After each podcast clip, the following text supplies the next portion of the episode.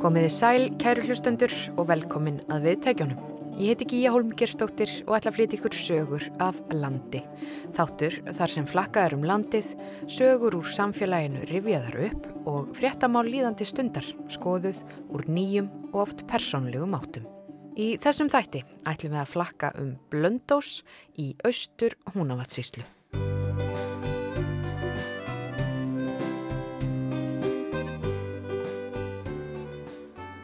Eins og nafnið gefið til kynna stendur bærin við ósa blöndu en blanda er jökul á sem að rennur um 125 km leið frá Hofsjökli og til sjávar í Húnafjörð í Húnaflóa. Blanda var virkuð á nýjunda áratögnum og áður en það var gert og rann hún óhindru til sjávar, vatsmikil og gruggug. Það var því mikill hátíðist dagur þegar manngeng brú var vigði við blöndu þann 25. ágúst 1897 og þjónaði svo brú hlutverki sínu allt til ársins 1962.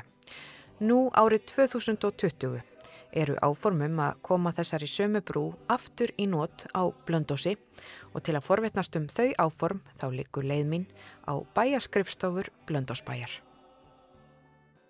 Ég heiti Ágúst Hópar Hagarsson og ég er yfirmaður hérna eigna á Frankværtassis Blöldósbæjar. Og Ágúst, þú hefur haft svona áhugamál undanfærin ár og það er að setja gamla brú út í hrútei. Er það ekki svo? Jú, það er nú svo að, að hér á Blöndósi er eitt elsta og elsta samgöngumannriki sem til eru í Íslandi. Það er gamla Blöndubrúin sem var reist hér á Blöndósi 1897 og er því hvað 123 ára gömul í dag Hún var hér brú á Blöndósi til 1962, þá var hún flutt fram í Svartátal og notur sem brú heima bæjunum á Steina og hún lög því hlutverki fyrir 20 ára síðan árið 2000 og þá vorum við vakandi fyrir því að, að gæta þess að hún kemi hér í varveðslu og við myndum finna henni nýtt hlutverk og unnu það í góðri samfunnu við vegakerna á þeim tíma. Og, síðan þá hefur hún verið hér og, og við svona verða velta vöngum yfir til þess að getu við nýtt hana líka bara vegna sögu hennar og sögu samfélagsins hér. Og, eh, og við döttunir á það hugmyndi fyrir sjö ára síðan að nýtana sem gungubrú í hrúti það var komið endur nýjan á gungubrú þar. Og við fórum þá í þessa vinnu unnum skipulag fyrir svæði útfærðum þetta, þetta myndi ganga upp og, og unnum þessa tilur vorum tilbúið með þær fyrir fimm ára síðan og eftir það fórum við þá að leita leiða til að fjármækna þetta og höfum verið að vinna verkefni svo í samvinnu við faramálastofu, fengið styrk frá þeim í þetta verkefni og, og svo styrti við að gera nokkur á myndilega þessu ári til að taka sjálfa brúna í gegn og við erum búin að vera þá að endur vinna hana, samblásan að gera við hana og hún er þess að tilbúið stálverkið og nú er við að byrja bara í þessari, á þessu næstu dögum að, að steipa stólpa og stemt að því að koma brúni á nýja stað. Hvernig tilfinning er að þetta sé komið svona langt? Þú ert búin að vera að vinna þessu frá 2000, þetta eru 20 ár. Hvernig er þessi tilfinning að vera, já, þetta er bara að byrja? Heyru, þetta er alveg stórkvæmslegt og, og, og kannski það er svo gaman að fá að takast á þessu sögu. Mm. Þetta er svo mikil heimild og mikil saga og, og bara sem dæmi þegar brúin var víð hérna fyrir 130 eða 120-130 árum síðan þá var haldið hér gríðarlega stór veistla það koma allir hér í héræðinu til að fagna þessu mannverki og, og eins og ég segi þetta er fyrsta fasthengta brú á Íslandi. Og þótti mikið afreika hún skildi að hafa byggð hér og komið fyrir. Og hérna þannig að þetta er stórgóðslegt og, og, og skemmtilegt og kannski ekki annað sem er skemmtilegt við þetta líka að, að, að nú erum við að fástu brú sem er, hún telst vera 24 tonn stálurkiði brúni og hérna við erum svona verið að fást við að hvernig ætlum við að koma inn út í eigin og annað og hérna, en við svona lítum svona alltaf tilbaka fyrir 120 eh, ára síðan sko, þá dróðum við hennar bara yfir hérna á stilla sko, en nú er þetta alltaf um að finna vélar og tæki sem passi í þetta og ég held við þurfum að fá eitt staðista kannar landsins til að hýfa það sín stað núna, þannig að þetta verður eitthvað. Þetta verður mikið sjónarspil, skulum við segja. Þetta verður það og, og þetta verður bara stórkoslu stund þegar við gerum þetta og, og getum svo vantilega að opna brúna yfir fyrir almenningi að ganga og, og nýta hana þar sem þeir þá geta bæði upplifa þetta frábæra útvistasvæði sem að hrúti er algjör náttúruperla með fugglalíf kletta, gróður og, og ofsalega kýrð og svo hitt að, að, að þessa sögu, samfélagi hér er byggt á þessari sögu, bæri hérna byggir og byggist og þróast út af því að hér verður samgöngumistu, hér er líka leiðir allra Já. og þarna verður leiðir allra núna vonandi út í hrútei til að upplifa þessa gömlu góðu sögu sem við munum sannlega alltaf gera góð skil. Já, Já ymmit, alltaf að vera með eitthvað síningu þarna í kring svo að fólk getur lesað sér til um þetta. Við munum, og það er til mikið af gögnum, það er til reikningur fyrir brúnni, það er til tímablöði fyrir mennina sem unnu við þetta mannverki og, og það er til sögur og lýsingar frá því að brúin fór í gagnið og hérna mönnum fannst stórkost þetta að standa brúnni fyrir 130 árum og, og upplifa það að hún var svo sterk að þó þau slengdu í hana þá hakkaðist ekki stálið. Þannig að þetta er eitthvað sem menn tala ekki um í dag en þetta er eitthvað sem menn voru að upplifa og þjóði var að upplifa þegar brúinni byggða að þarna voru að koma ný mannverki og og, og þjóðin að, að, að færast til nútíma sem að gaman geta nýtt það í dag. Já, og ég minna að þetta eru þetta jökul á blanda sem að rennur hérna í gegnum blöndu ós, þannig að eh, já, hún er nú frekar róling núna eftir að virkjunni kom en hún hefur verið óbærslegur vega tálmið, þannig að brú yfir blöndu hefur verið mikið afreg hún var mikið afreg og, og þetta var margra ára baratumál og, og, og sem dæmið að hún er flutt til Íslandsk og áruna áður en hún kemur hinga. Þeir komið með skip hér að Ósum Blöndu 1896 e, vegna aðstana þá og veðufarst þá náðu þess ekki að setja henni í land og var að fara með henni á Akureyri og geima henni á Akureyri til þess að koma með henni árið eftir. Og menn lentu þar í óöppi, menn mistu staðista stálbítan út í sjó og Akureyri og það var að fá nýja stálbít í brúna og hann náðist í tæka tíð þannig að hvað með reyndu til þess að koma þessi mannverkja á, á, á sínu tíma eru er ótrúlega hlutir og, og það verður svolítið gama þegar að, að bara uh, fyrir fólk átt að sjá því og, og sjá þegar við kannski greinum betur söguna og segjum frá því að, að afreg mannana hérna áður fyrir voru ótrúlega, ótrúlega mikil. Já.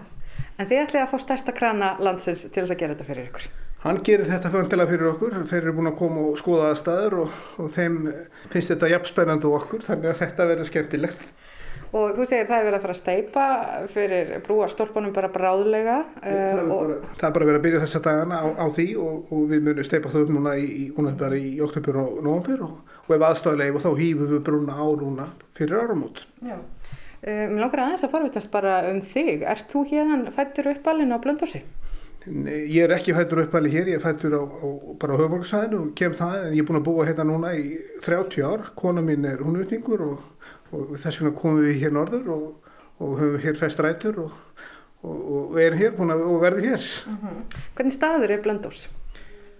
Blöndós er vindall staður og hérna þessi, þessi litlu byggðakjarnar á landsbygðinu þeir taka svo vel út af fólk og hérna og þú ert með náttúruna, þú ert með umhverfið og það er allt til alls hérna og fyrir okkur, okkur finnst stutt að fara allt saman við og þannig að, að, að okkur finnst bara að vera tækifæri að búa á, á, í svona samfélagi sem heldur auðvitað með fólkið og, og okkur vil liða afskafla vel hérna. Þú ert skrúðgarsmeistari, er það ekki rétt hjá mér? Jú, ég er skrúðgarmestari, ég er líka virkitafræðingur, þannig að ég er Já. líka með háskólapróf og hérna, ég valda það á sínum tíma að læra skrúðgarki og, og hérna, ég fannst það svolítið svona spennandi áskorun að hafa innnámið og innmentununa og og, ég hef oft sagt það í dag að þetta er það skemmtilega sem ég hef gert vegna þess að mér er svo gaman að skapa í umhverfi. Og taland um hrúti er það ekki svona nánast eins og skrúðgarður eh, blönd að synga? Ég, þetta er alltaf bara náttúru paradís þarna byrjiði menna að planta gróðri fyrir 50, 60 eða yfir 60 ára síðan og, og, og skapa þessa eigi og skapa þessa aðstæður. Eigið maður friðuð upp á 1930 þá hættu menn og eins og kannski nafnir bæði með sér að að menna gemdu hrúta í hrúti en, en, en þá hættu menna að setja fyrir þann út og, og, og hún var bara friðu þannig að þá fór kærið að vaksa hann upp og setna meir fóru menni að planta þetta trjám og skógi skórættin kom svo að því að gera þetta svona opnu skógi með okkur fyrir ja, 15-20 ára síðan þannig að þetta er bara útvista paradís og, ómadeld að stoppa þarna og við erum ekki hægt, við ætlum að halda ára, við ætlum að byggja þarna upp þjónustuhús þannig að það verður mjög, þetta verður svona mikilvægur áningastadur og, og skemmtilegur áningastadur fyrir alla að koma til. Já. Takk fyrir þetta að segja okkur frá brúarframkvæmdum hér á Blöndósi til þess að komast út í þessa fallegu ei, Hrútei. Takk fyrir þetta Ágúst Þór Bragarsson og gangi ykkur vel. Kæra þakkir. Blöndósbær hefur lengi verið áningar staður og þjónustu kjarni fyrir íbúa hérasins og ferðamenn. Næsti áfangastæður í flakki mínu um Blöndós er staður sem að býður upp á áhugaverða samsuðu í matar menningu tveggja landa. Þetta er veitingastæðurinn tenni. Herri, ég heiti Lía og ég er ekki svona veitingast á blöndu sem heitir tenni og ég er bæði með eðjöpist og svo erum við hambúrgar og pítsur og steikur og svoleis. Þeir eru með líka, já, ethiopíst og alls konar og íslenskan heimilismat, þetta er svona allt í bland. Já, við erum með svona íslenskan heimilismat hérna í hádeinum sem hlaðborð á virkumdögu og fólk bara geta komið og fengið sér. Hvenar byrjuðu þið með þennan stað hérna á Blöndósi? Herri, það er sem sagt hérna komið held ég rúmt ár ef ég er ekki að regla en við rákum þetta fyrst sem ömmukaffi í smá tíma En svo í desember, minnum mig, við, þá breytum við það í teini og vorum aðeins meira af ethiopist og lögðum meira áherslu á það. Mm -hmm. Þessi staður, teini, hann byrjaði nú já, fyrir nokkrum árum síðan og alls ekki hérna á Blöndósi. Nei, það byrjaði emitt árið 2014 í Reykjavík. Svo vorum við þarna, við ekki, vorum ekki með staðinn þarna í smá tíma sem sagt var lóka hjá okkur og ætlum að opna á laugavegin en svo gekk það ekki upp þannig að við opnum með ármúlunum svo hættum við þar og svo flyttum við á Skagaströnd og, svo, og hér opnum við núna Já. sem er bara mjög gaman að endur við ekki að tegni aftur Og Teni, þetta er nú nafn sem hefur mikla tengingu fyrir þig? Já, það er sem sagt nafna mömmu og það var bara einhvern veginn að okkur fannst það bara að passa vel við að nefna staðinu höfun á mömmu. Já. Já. Þú ert uh, frá Eþjópiðu. Já. Um, hvernig er saga þín að koma til Íslands og, og svo enda hér með veitingarstað á Blöndósi? Herri, ég er sem sagt hérna flytt til Íslands 11 ára að verða 12, það var árið 2002 og bara gekk í skóla og mentarskóla og svona og og svo árið 2014 þá dætt okkur í opn eðuvískansta og gerðum það og ég er enda hér. Og flytti á Skagaströnd og byr þar núna en ég mun flytti á Blöndós En hvernig var þegar komst hérna uh, 11 ára, þú byrjaði í íslenskum skóla. Hvernig gekk að aðlagast samfélaginu? Herru, það gekk bara mjög vel og ég sko, þú veist, ég náttúrulega kem þarna held ég minni mig á förstu degi eða lögadegi, svo byrja ég bara í skólan og mónuðin strax eftir, sko, eftir helgi. Og þá fannst mér það mjög skrítið, en ég var samt rosalega spennt að byrja í nýjum skóla og kynast nýju krökkum. Og samt alveg pínu feiminn, sko, ja. náttúrulega maður kunni ekkert íslensku og maður var ekki, þú veist, að tala ennskuna daglega í Eþjópjum, það var bara, þú veist, tungumál sem maður lærði í skólanum mm -hmm. maður nótaði henni ekkert þannig að maður var rosalega feiminn en ég var svo heppinni lendi bara með, þú veist, ég bekk með frábæri krökkum og bekkja sískinn minn voru bara tóku rosalega vel á móti mér og var bara æðislegt Já. Í hvaða skóla varstu? Þar ég fór í Östurbarskóla mm. og þar er einmitt líka nýbótild sem hjálpaði rosalega mikið því að þú veist, maður fór þar auka tíma að læra íslenskuna og líka þegar það er bara venulega íslenska fyrir krakkana þá fór ég í nýbódelt og lærði meira þar og fekk rosalega mikið stuðning. Svo leikur leiðin eftir svona alls konar uh, hérna, tilurinu með, með tenni til Skagastrandar. Hvernig kom það til? Herði, við sem sagt hérna vorum, já við sjáum sem sagt auglýsingu frá Skagastrand, það var kaffehús og tjálsvæði til leigu og svo þannig að við fengum sem sagt að leia þrenn tjálsvæði kaffihús og hérna félagsefnilega á Skagaströnd þannig við rákum kaffihúsi þar og, og við, við tókum á móti hópum í þegar piska mat og svo les þar sko en svo bara ákveðum við að stækka við okkur og leia húsnaði hérna á Blundós og opna teini. Já. Og maðurinn þinn, hann er frá Skagaströndi, það ekki? Já, hann er Skagaströndingur. og var hann spenntu fyrir að flytja aftur til Skagaströndar á heima slóðirnar? Ég veit ekki því, ég held að það hefur verið blenda tilfinningar þannig. En þú veist, ég var tilbúin að breyta og pröfa eitthvað nýtt. Þannig að hann var alveg til í að fara með íta með mér, sko. Mm -hmm. Já. Og þeir eru með, eh, eins og þú sagðir aðan, þeir eru með hérna, íslenskan heimilsmat og, Mhm. og ethiopískan mat og svo svona kannski pínu blönd af þessu báðu. Þú ert svona að setja ethiopíst tvist svona hér og þar á matsælunum og það eru til hambúrgarar hérna sem eru að verða nokkuð þekktir. Já, við erum með sem sagt hambúrgar sem heitir Addis hambúrgari og það er sem sagt bara, þú veist, hambúrgar með ethiopísk kryddsósu sem við nótum og hérna sem bú, við búum líka til á hérna á staðnum og sem gefur rosalega skemmtilega tvist og það er bara að vera vinsæl og fólk er alveg að fýla það. Og er, eh, já, er fólk forvitið svona að- prófa þessa ethiopísku rétti? Já, fólk eru mikið meira oppin fyrir eitthvað nýjung núna heldur en var fyrir hvað, 5-6 árum. Ég, veist, ég finn það alveg núna, fólk eru bara svona, já við erum að koma bara til að pröfa þetta nýtt. og. Þannig ég sé alveg, þú veist, samfélagir eru að breytast rosalega mikið og tilbúin að pröfa eitthvað nýtt sem er bara ótrúlega skemmtilegt. Já. En hvernig er ethiopísku matur? Hvernig myndur þú lýsa honum? Eþjófisku matur er sem sagt hérna, það er, veist, kjötrétt. Um, aðalega notum við nautakjött og lambakjött og svo kjúklingakjött. Svo erum við með rosalega mikið bönur og græmiti. Það er, sem sagt, það er rosalega mikið borðað af græmiti og bönur í Eþjópíu. Og ég myndi lýsa, sko, þú veist, flestir svona pottréttir og ég myndi lýsa þessu sko í eþjópiska mat, þú veist, þú getur fengið bæði sem sterta, mild en sterka sko, það er ekki þannig þú brennur að logar af því, heldur þú fær pínu kikk og svo er þetta bara farið. Svo bara, þú veist, þetta er svona bragð mikill, heldur en frekar en að segja að það sé mjög stert. Og það er sem sagt hérna, eþjópiska mat er að borða með puttunum og það er sem sagt sósunar, svo er súrdegs pönukaka sem fylgir og þú nota það til að borða með. Þannig að þetta er svona nývaböru sem má borða. Já, Já, En hvernig, sko, nú þarf öruglega svona sérstakar vörur uh, til þess að elda ethiopíska með til dæmis bara uh, eitthvað krydd og svo leiðis. Hvernig færðu, uh, er auðvelt að nálgast þannig vörur?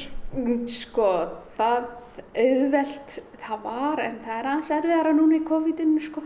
Á þessum tíma að fá hlutina sendt frá Eþjópíu er aðeins núna en þú veist þess að við lætum að framlega krydd fyrir okkur og það er sem sagt mamma framleiði þetta fyrir okkur. Þannig sést það blöndu sko. Og mér finnst bara rosa gott að nota hennar krydda því ég veit hvernig það er þú veist hennar uppskrift, þetta er uppskrifti hennar sko og já þannig það er þú veist, ég get ekki sagt það sem mjög erfitt að það sem ég bara tek síman og ringir í mömmu heim, ég vandar þetta og mamma reddar því Þessar mömmur. já, algjörlega að bjarga öllu sko En þú ert með hérna fjölskyldu í Eþjópíu. Farið þið oft í heimsókn þangað? já, við sem sagt reynum að fara oft en við höfum ekki farið saman sem, sem fjölskyldan sko eftir við nefnst sem það sonur okkar. Og það var plan að fara núna í oktober en ja, svona öðruvísi aðstæður núna þannig maður heldur sér bara meira að minna heima. Já en vonandi förum núna fljótlega þegar þetta fer alltaf róast. Já. Getur þú sagt mér frá uh, svæðinu sem að þú ólst upp þarna þangað til að þú flytur til Íslands í Eþjópíu? Hvar, hvar í Eþjópíu er það? Herru, ég sem sagt er frá Addis Ababa sem er höfuborg í Eþjópíu Já. og já, það er bara svona, þú veist, sko vennileg borg, jú, jú, fátækt, það er það, en það er rosalega mikið svona steta skipting í Eþjópíu sem sagt. Það er svona rosalega mikið ríkt af fólki og svo eru bara rosalega mikið af fólki sem eiga ekki mikið milli handa. En ég kynns að þetta voru sko vennileg fjölskyldu, þú veist, mamma og pappi og unnu rosalega mikið áður en ég fæðist. En það voru komin svona betur í stað þegar ég fæðist þannig að þú voru farin að reyka bara sín eigin rekstur. Mamma var reyndar að reyka veitingastað. Já. Þetta er svona fjölskyldinni. Þetta er svona, já, ég held það nefnilega sko. En já, og álst upp sem sko vennuleg krakki í Eþjópíu sko. Þá gæti ég flutti hinga. Já. Um, en svo hvaða svona sín hafið þið fyrir tenni hérna í þessu húsi á Blöndósi? Hvað, hvað eru svona draumarnir ykkar? Herru, draumarinn okkar er sko að, að bæta inn í þú veist, réttum í matselnin og svo reyndar okkur langar rosalega mikið að lifa líka okkur aðeins með íslenskt og etjópist og blanda þessu saman Já. koma þessu saman þú veist, er rosalega það er svo mikið til í Eþjópíu sem er ekki þekkt á Íslandi eh, sem maður getur samt blandað og gert alls konar tvist og sem er bara mjög gaman. Við erum að meita að pröfa, þú veist, Eþjópis sósunar og svoleið sko sem við búum til þú veist, potréttinu myndi ég og erum að pröfa að setja á pítsu og þú veist, eins og fisk og franska. Við setjum í, þú veist, kryddum fiskin öðruvissi, þú veist, með eþjópisk krydd og svona og eins og salut, gera smá eþjópisk tvist í það. Og okkur finnst það bara rosalega gaman að blanda þessu tvennu saman og það er náttúrulega bara, ég hef mína bakgrunn í Eþjópíu og búin að búa hér, þú veist það lengi, þannig ég hef gaman að líka kynna fólki sko hvernig Eþjópía er. Veist, það er ekki bara þetta sem að heyra dagstælega fréttunum fátækt og svoleiðis. Það er svo miklu meira, það er stort matamenning í Eþjópíu, það veist. Og fjölskyldan borðar saman á einum fata til dæmis, þú veist, oftast er bara deilt á einum stórum disk og setja bara allir kring og borða saman. Þannig að þetta er svona fjölskyldu stund. Já. Og finnst þið mikilvægt að, að svona, uh, koma með það hingað? Já, mér finnst það bara mjög gaman að kynna fólki á þetta, þú veist, og bara við getum notið þess að vera, sam, vera saman, sem sagt ég að meðan við erum að borða og spjalla, þú veist, gefum okkur tíma og slökum á njóndum og lífum. Já. Það hljómar þetta bara eins og fjölskyldum matur á að vera, yndisleg stund. Nákvæmlega. En takk fyrir að taka á móti mér hérna á veitingastanum Teni á Blöndósi þar sem að er verið að gera alls konar skemmtilegar og spennandi tilraunir með matarmenningu tveggja landa. Takk fyrir. Takk sem leiðis. Frá veitingastaðinum Teni höldum við áfram og næst er það ullarþvottastöðin á Blöndósi sem að er næsti áfangastæður en þetta er stærsta ullarþvottastöð á landinu. Það er verksmiði stjórin Guðmundur Svavarsson sem tekur á móti mér og ég spyr hann hvernig hefur gengið þarna hjá þeim í ullarþvottastöðinni. Það hefur bara gengið ljómandi vel. Hún, við, hérna, hún var fluttinga árið 2004 frá hveragerði og ástæðan fyrir því að þessi stað hérna var valinn er, er sem sagt, uh, var fráreilsmáli nummer 1, 2 og 3 og hérna uh, þeir mistu í raun og veru starfslefið í hveragerði út af fráreilsmálunum og það er eiginlega ástæða nummer 1, 2 og 3 að hún endaði hér. Já. En þeir taki við miklu magni af ull, þú segist þetta er stærsta þvottastöðin. Hvað, hvað er mikið magna af ull? Það er svona um það byrja 800 tonn sem að er að fara hér í gegn ári af, ull, af öllu landinu.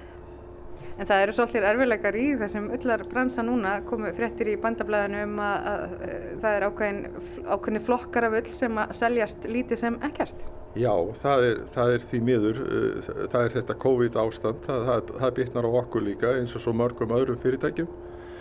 Uh, Það stoppaðist eiginlega útflutningur á ull í, í hérna byrjun mars og það hefur nú bara ekkert, uh, ekki trefst hérna. Það eru, eru 14 gámar hérna á, planinu hjá mér og það er 20 tonn í hverjum gám. Það eru er svona um það byrj 300 tonn sem eru óselt hérna, eins og er. En við erum nú svona bara alveg hóflega bjarsið með það. Þe- Þetta er svona lagari hluti ullarinnar sem, að, sem er hérna sko. Já, já. Það er þessir uh, undir flokkar, eða hvernig, hvernig er þetta skilgrænt? Já, það er eiginlega mislítur annarflokkur og vetrarullin og snóðið. Og sem sagt, uh, snóðið er fylgifiskur haustullarinnar. Það er haustrúin kind þá þarf að taka snóðið af. Og þetta hefur verið selt út til uh, aðalega þryggja landa og, og hérna hann, í fyrsta lagi til Breitlands, uh, Þýskalands og svo til Danmörkur. En að, það er allt stopp í augnablikinu. Við erum svona hólega bjarsýn að þetta fara á stað þegar um leið og ástandi lagast. Já, en það er nú sláturtíðin framöndan og það er að fara að koma inn miklu meiri öll, þannig að, já, er þetta fara bara að verða ullar fjöll hérna bakvið á planinu hér? E, það gæti orðið þannig. Ég, hérna, ég vona nú reyndar ekki, en, en ef, að- ef að náttúrulega rætist ekki úr, þá, þá verður mikla líkur á því á að, að við lendum í smá vandræði með, með þessa ull, sko. En hins vegar er, er öll best, besta ullin, hún, er, hún fer til, í Mórsesbæin og uh, þar er unnið handbrónaband og, og, og alls konar uh, afurðir úr þessu og það þeir er annað ekki eftirspurn. Það er sem sagt, það er fyrsti flokkurinn og, og hérna lampaöllin og svo söðalitirnir. Það er um það byrj helmingurinn á, á okkar framlega. Já. Já, þannig að þetta er mjög tvískipt. Fyrsti flokkurinn, það, það annar ekki eftirspurn og hitt hérna sapnast upp. En hversu lengi getur það sapnast upp? Hvenar er varan bara ónýtt eða ullin? Já, það er nú reyndar, það er eftir að geima ull. Það, það eina sem grandar ull í raun og veru er, er raki eða vatn og við erum með, sem sagt, það sem við erum búin að þvó og er tilbúið til útlöfnis er hérna í gámum og þeir eru náttúrulega vars þéttir og, og lokaðir og það er þetta að geima ull í mörg ári svo framalega sem að komist ekki hana. Það er veru eina sem að, sem að yðurleikur ull, það er rækki. Já. Og framkvæðið með eitthvað svona gæðatjekk eða hvernig virkar þetta? Já, já, við erum með, við tókum í raun og veru okkur sérst að mikið á í sambandi við gæðamálinn og, og við, við verið að vinna því núna undanfærin tvö ára að hérna, auka gæði og, og rekja líka ullarinnar líka uh -huh. með það markmiði að, að gera þetta söluvætni vöru en svo kemur þetta upp og það hýðir náttúrulega ekkert að vera að væla yfir þessu En segðu mér, hvað eru margir sem vinna hérna á Ullaþvóttastöðunni og Blöndósi? Þetta er svona tímabundin vinna að hluta til. Við erum þrýr hérna áskorundilli en svo þegar allt fer á fullt hérna í nógumbyr þá eru við 11. Já og það hefur verið unnið á, á, á tvöföldum vöktum. Já, og verður það eins í ár? Eh, ég veit það ekki. Það er, er svolítið breytt. Það getur vel verið að, að við verðum að minga eitthvað, eitthvað vinnutíman til að byrja með allavega. Það er svona óvist út, út af ástandinu. Hvernig er vinna í öllaþvóttastöðu? Hvernig fyrir þetta fram? Þetta er náttúrulega, já ég segi mjög skemmtilegt. Maður er búin að álpast í þessi í 16 ára og, og hérna Ég var ekki búin að vera inn í 16 ára en þetta er ekki gaman og hérna þetta getur verið mjög fjölbreytt í dagar. Það er náttúrulega, er bændur að koma með ullina sína. Náttúrulega þetta byrjar yfirleitt í nógumbur. Svo eru flutningabílar að koma ull sem er, er lengra í burtu og það þarf að, það, það þarf að losa þetta inn og það þarf að flokka þetta og, og, og, og við setjum þetta í stýjur hérna frammi og síðan er, erum við líka að afgreða frá okkur ull þú veist, í Mórsisbæinn og, og svo í útflutningin eða út í gáma og við reynum að, að, að hafa þetta eins létt og skemmtilegt eins og hægt er. Þetta getur alveg, alveg hérna, vist vera mjög leiðilega vinna og allt það en, en ef maður, maður reynir að hafa hlutina svona á jákvæðum nótum og, og, og starfsandan í lagi þá er þetta bara fínt. En þú talaður um að bændur komi sjálfur með ullina þá væntalega þeir bændur sem eru hérna svæðinu og það lítur nú að vera svona skemmtileg stemming. Jú, það er, það er bara mjög jákvæmt sko. Í, í 100 km radíus hérna frá öllarþóttastöðinni koma bændurni með öllina sjálfur. Já. Og það eru náttúrulega mjög skemmtilega samskipti sko. Það, það, það eru marg, mjög gaglegar samræður og, og, og, og alls konar karakterir sem koma hérna inn sko. Það, það er bara, það gerur bara daginn skemmtilegri. Ætlaði þess ekki hægt að segja hverjum þykir sín ull best eða eitthvað svolítið? Jú, alveg öruglega. það, það, það, það er svolítið þannig sko. Uh -huh. En hérna, já, þetta, þetta, þetta er svona misjafni karakterir sem koma hérna og það er mjög skemmtilegt fólk sem er að, er að standa í þessu söðfjörbúskap. En þetta er rosalega stórt söðfjörrektar hér að það, er það ekki svo? Jú, það er kannski líka, ég náttúrulega myndist kannski ekki á að ég talaði nú bara um fráriðsmálin á þann en, en það, það, þegar Vestmiðan var, var flutt hingað frá hverjargerði á sínu tíma þá hafði það svolítið mikil áhrif að, að hér er alveg gríðalegt sögfjörrættarsvæði bara það stæsta á landinu það er náttúrulega bara skafjörðurinn húnavarsíslunar og, og hérna þetta svæði þá það er alveg óbóðslega stórt sögurrættarsæði. Já. Já, og þú sjálfur, þú ert nú teitlaði bondi í símaskroni, er það ekki? Jú. er þú með kindur? Nei, ég bara, ég bara hætti fyrir þreymur ára síðan, sjálfur. Og þú er bara í staðinn? Ég, það, ég er svona, það sem ég kalla, kalla mig ullarbónda. En að öðru leiti þá er ég nú bara, bara með hross. Og það er nú ekki tægt að þú á þeim mikið? Nei, afvísu ekki. Takk fyrir þetta spjall og gangi ykkur vel hér á Ullarþvottastöðinni. Takk sömulegis. Já, eins og kom fram í spjalli mínu við Guðmund, þá er landbúnaður og þá sérstaklega söðfjárakt mikilvægur hluti að tvinnlífsins á svæðinu kringum Blöndós. Og næst langar mig að rifja upp augnablík þegar fjöldi bænda af svæðinu sungu sig inn í hjörtu fólksins í landinu.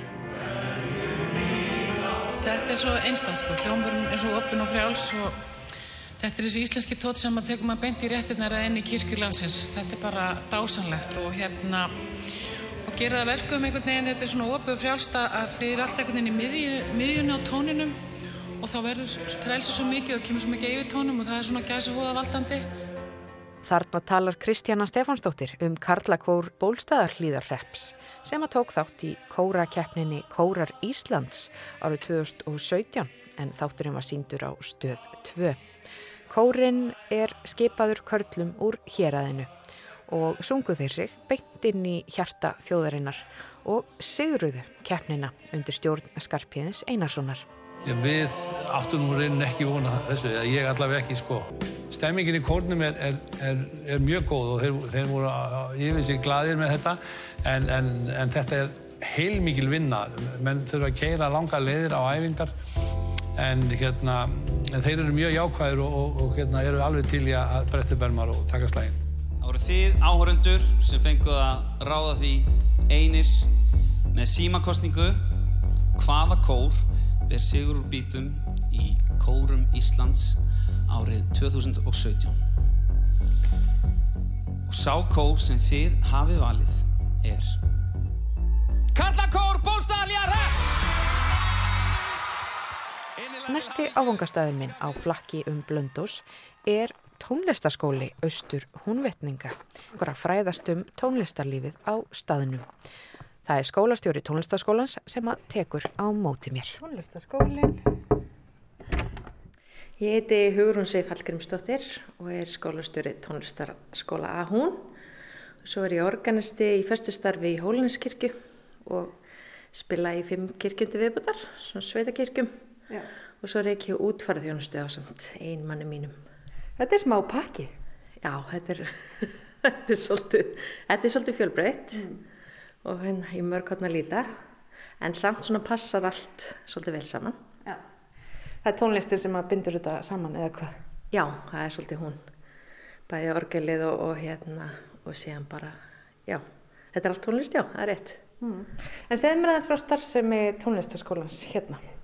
Já, við erum sem sagt, við erum með þrjá starfstöðvar og það er semst byggðarsamlag um tónlistaskóla sem að, sem að reyku tónlistaskólan. Það er hérna, við erum með starfstöð í Húnavallaskóla og svo erum við með starfstöð á Blöndósi og að Skagaströnd og það hjá okkur eru áttakennar eins og er, reyndar ekki allir í, í hérna fullu starfi Það eru nokkur bara í litlum, litlum hérna, starfslutföllum en já, þannig að þetta eru þrý, þrjá starfstöðar sem eru með og Já, og ásaldið stóru svæði, Skagaströnd, Blönd og svo húnavellir, þetta er alveg svolítið spotti að fara á milli.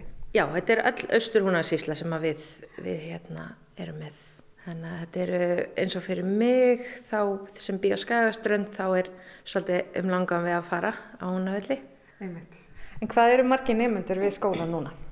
Í augnablikinu er þeir bara akkurat 100 en þeir hafa svona verið að flakka frá 8-10 upp í 110 kannski. Já.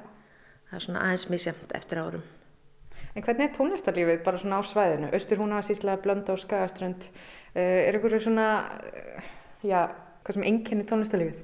Ég myndi kannski ekki segja að vera neitt sem enginnir tónlistarlífið sérstaklega en það er samt mjög mikið og að blitt kórastar á svæðinu um, kallakór bólýðinga sem eru hérna mjög stóru fjölmunur og goða kór. Svo eru við með kirkjukóra og, og já, ég held, held svona sönghæðin sér sterkust eins og er. Því miður höfum við ekki lúðrasveit eins og var á orm áður en vonandi tekst okkur að koma henn á fótaftur. Mm -hmm. Já, það var hérna upplög lúðrasveit. Ég spilaði hann sjálf í henni, ég ætla, ég ætla bara svona uppljóstur um það. og hérna, en hvers vegna er ekki lúðrasveit? Já, sko, þegar að Skarpíðin Einarsson fór að vera minn fluttasvæði, þá, þá hérna, kom hann á fót þessari lúðrasveiti mitt sem hann nefnir og var mjög upplög og hann var sko kraftaverka maður bara svo það sé sagt og hérna en svo einhvern veginn bara svona í setni tíð þá voru bara blástusljófarinn ekki ja, vinsal og þau voru á þeim tíma þannig að nú er þetta svona uh, krakkar eru mikið vilja að læra söng og þau vilja rosalega mikið læra piano en og sérstaklega kannski brassljóðfærin, trompet og túbur og, og þessi hljóðfæri sem þarf í lúðursett, þau, þau verðast bara ekki ná inn til krakkana. Mm. En þá er það bara svolítið kannski okkar að fara að reyna stýra þeim þangað aftur. Það komaði þetta svona tísku sveiblur í hljóðfærum eins og öðru? Já, það er nefnilega akkurat þannig. Og nú til dæmis bara síðustu svona tíu ár myndi ég segja að að blástusljófarinn hafi ekki verið í tísku þó alltaf mikið að þverflutum og klarnettum en svona kannski breytin ekki nógu, nógu mikil til þess að halda út í löðursett. Mm -hmm. Við erum stöðt hérna á annari hæð tónlistaskólans á Blöndósi og þú segir að það sé búið að gera, já það hafa verið hérna miklar endurbætur. Eða að lappa aðeins um þessa hæð og já. svona kíkja. Við hefum svona, já, efri hæðina erum við búin að taka mjög vel í gegnu hjá okkur og, og hérna eiginlega bara skiptum um allt sem hægt var að skiptum um, um hérna gólfuhurðar og, og færðum bókasafnið okkar hérna það við löpum þakka einn Já, hérna erum við með stort og gott nótnasafn þetta færðum við hérna upp og skiplaðum og, og nú er bara rosalega gott að gengi fyrir kennara ef þeir vilja leita einhverju sérstöku mhm. -huh. og hérna Skarpíðin fór verið minn áður nefndir, hann, hann var mjög duglegur í að, að kaupa fjölbröttu nótur og hann er mjög gott aðgengi að bara alls konar tónlist. Svo er hérna bara svona vinnuherbyggi fyrir kennara og ég geta hérna brenda á ljósitað og, og, og svo les og svo erum við með kennslustofur, þrjár hérna á með svona stórar stofur. Já, og hérna er gríðastort eldhús, það er nú gott Já. að hafa gott eldhús og þetta er nú bara eins og hafi verið hérna húsmóðið bara gæð, þetta er svona retro eða gammaldags eldhús. Já, þá sko komum við upprinnan vegna þess að Jónas Tryggvason Já. átti þetta hús áður en þetta var tónlistskóli og einkonans Bergþóra og hérna þau byggðu þetta hús á sínu tíma og hann var í mitt sko einna stofnendun tónlistafélags Östurúnarsíslu og var mjög öflugur í tónlistarlífinu í Östurúnarsíslu og þau byggðu þetta hús á sín tíma og svo þegar hann lést þá, þá eignast tónlistafélag Östurúnarsíslu húsið. Þannig að við erum svona höldum soldið í hans enginni líka. Það hefur komið hérna eins og einu skriftunum mína. Það var ég með píanóið hans, hérna gamla á mynd af þeim hjónum og hérna gamli stóllin hans sem við reyndar erum búin að hérna, yfirdekja. Já. En mér er svolítið dýrmætt að halda hans minningu á lofti í húsinu. Já. og ég, ég finn rosalega mikið sérstaklega þegar ég er einn mér finnst þetta verið opaslega góður andi hérna mér líður rosalega vel hérna. Og ég er vissum að það hef eitthvað með Jónus að gera. Og þú segir að þetta sé gamla píanóið hans. Já. þetta er fallegu gripur. Já, og þetta hérna finnst svona dýrmætt að hafa þetta hérna með okkur mm. og tekur þú stundur lægið á þannig eitthvað minna, það getur nú kannski það er svolítið falskt en hérna gripurinn er fallegur og, og hérna, já, bara á heima hérna finnst mér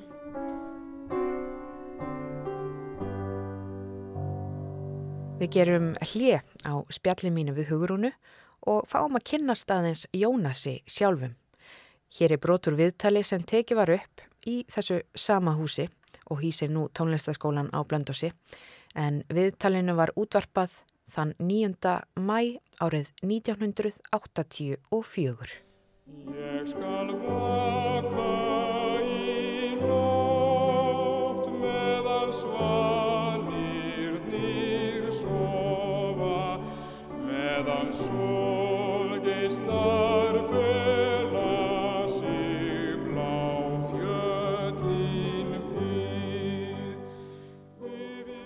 ég hugsa að sé með fyrstu lögunum.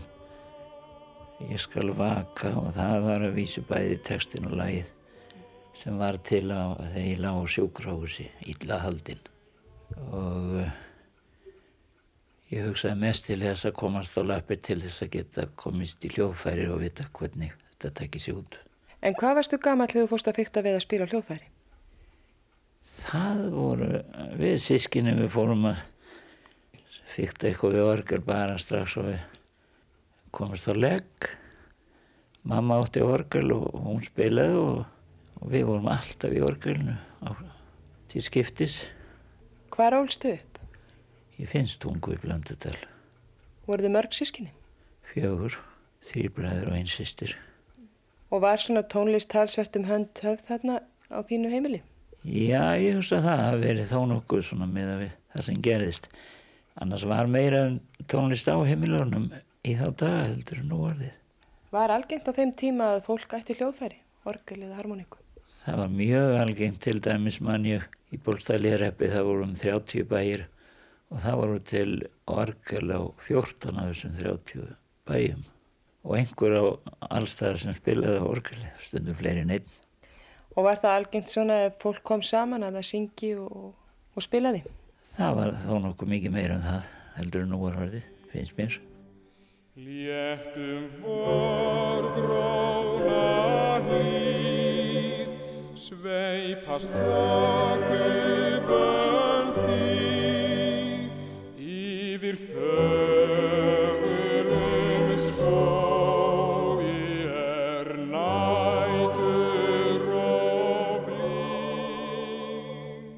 nú ert þú blindur maður. Hvenar mistur þú sjónina? Ég hef eiginlega verið að missa hann alla æfina. Ég sá mjög illa þegar ég var krakki. En þó ekki verið það að ég klúðræst í gegnum barnaskólan. Fekk látt í lestri af því ég las svo hægt. en eh, eftir fermingu fór ég að geta lítið lesið svona ákallega erfitt með það. Alltaf sé ekki svona 12-15 ár síðan ég má segja að ég hef verið orðin alveg blindur. En hvernig gekk þið þá að sinna svona algengustu störfum þegar þú hafði vært svona sjóndabur? Það voru nú flest störf sem ég, svona venjuleg sveitastörf sem ég vann á borð við hérna krakkana nema það var ekki gott með að vera í fjálleitum og, og finna skeppnur og ég var síður sendur eftir kúnum heldur en hinn. Ég gæti farið frænhjöðum að hans að sjá þær. Það væri rétt hjá. En þegar þú stóðst nú anspænist í að þú myndir missa sjón það mikið að þú myndir ekki geta unnið eins og aðrir menn, hvað ákvæðstu þá að taka fyrir?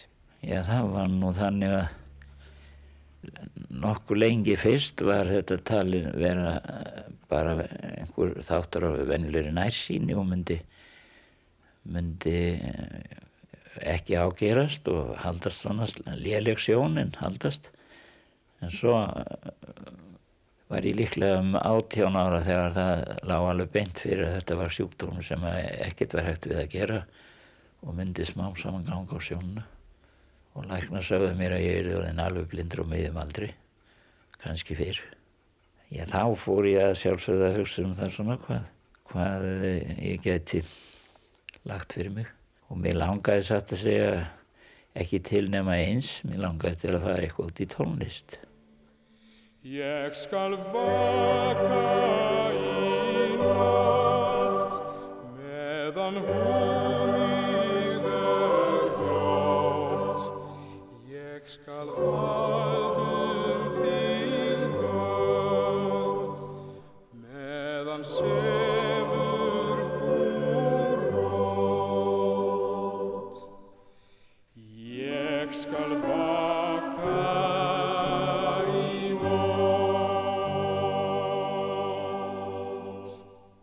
Tónlistin átti eftir að vera mikilvægur þáttur í lífi Jónasar og frá unga aldri söng hann til dæmis með Karlakól bólstaðarliðar Reps, var stjórnandi og samti lög fyrir kórin.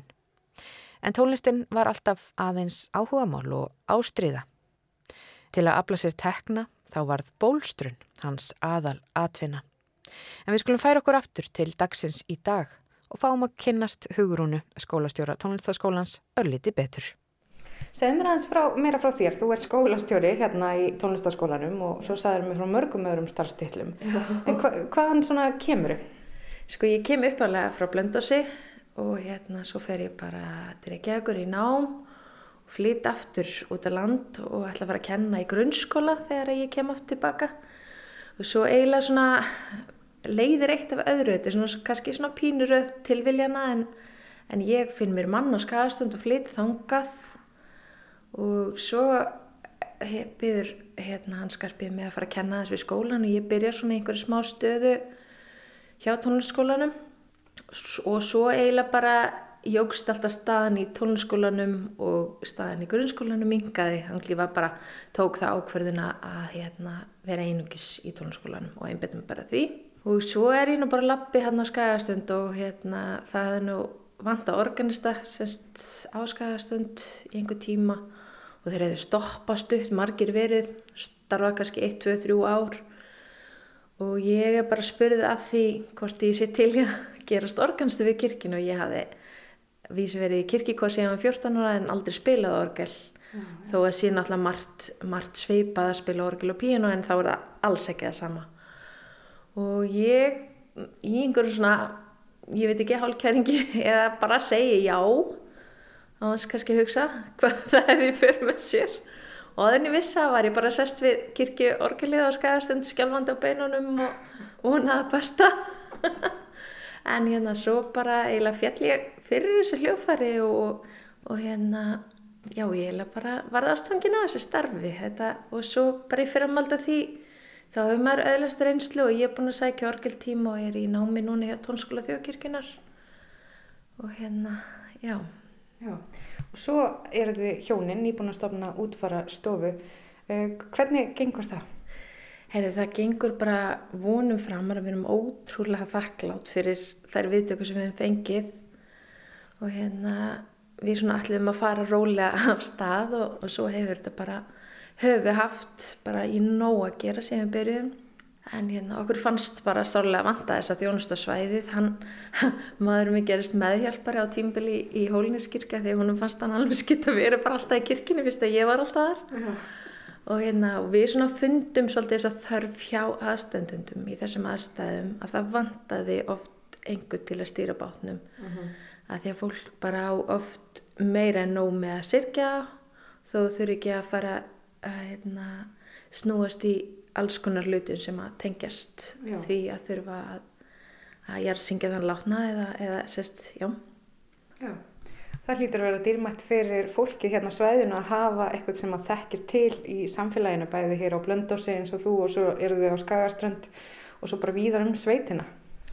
Já, við finnum allavega að þörfin er gríðarlega mikil og maður uppliða líka svo oft í starfi mínu sem organisti áður fyrir að fólk var rosalega tingt og það var að spurja mig alls konar spurninga kannski sem tengdist bara alls ekki tónlistinni í aðtöfninni eða þannig að hérna og, og það er vonandi eins og segir dýrmætt fyrir samfélagi en það er líka rosalega dýrmætt fyrir okkur að fá þetta tröst frá fólki í þessum aðstæðum því að, því að þetta getur oft verið eða það er bara engin út fyrir eins þetta eru rosalega ólíkar aðstæðar sem fyrir mig og maður þarf að vanda sér rosalega mikið og hérna rosalega dýrmætt að fá þetta mikla tröst frá fólki. Já, þið byrjuðu síðasta haust eða hvernig, hvernig stopnuðu þetta? Við stopnuðu fyrirtækið í mars og já, sem bara hefur verið á fulli síðan. Mm -hmm.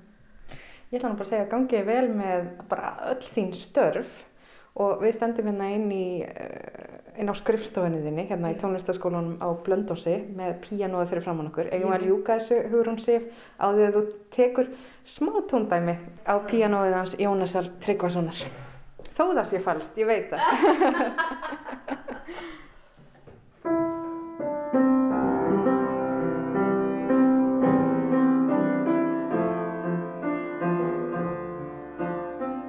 Já, á þessum tónum hugrunar á gamla píanóið hans Jónasar Tryggvasonar er komið að lokum hér í sögum af landi í dag og flakki okkar um blöndós lokið. Tæknimaður í þessum þætti var Úlfhildur Eisteinstóttir við þökkum þeim sem hlýtu, lifið heil.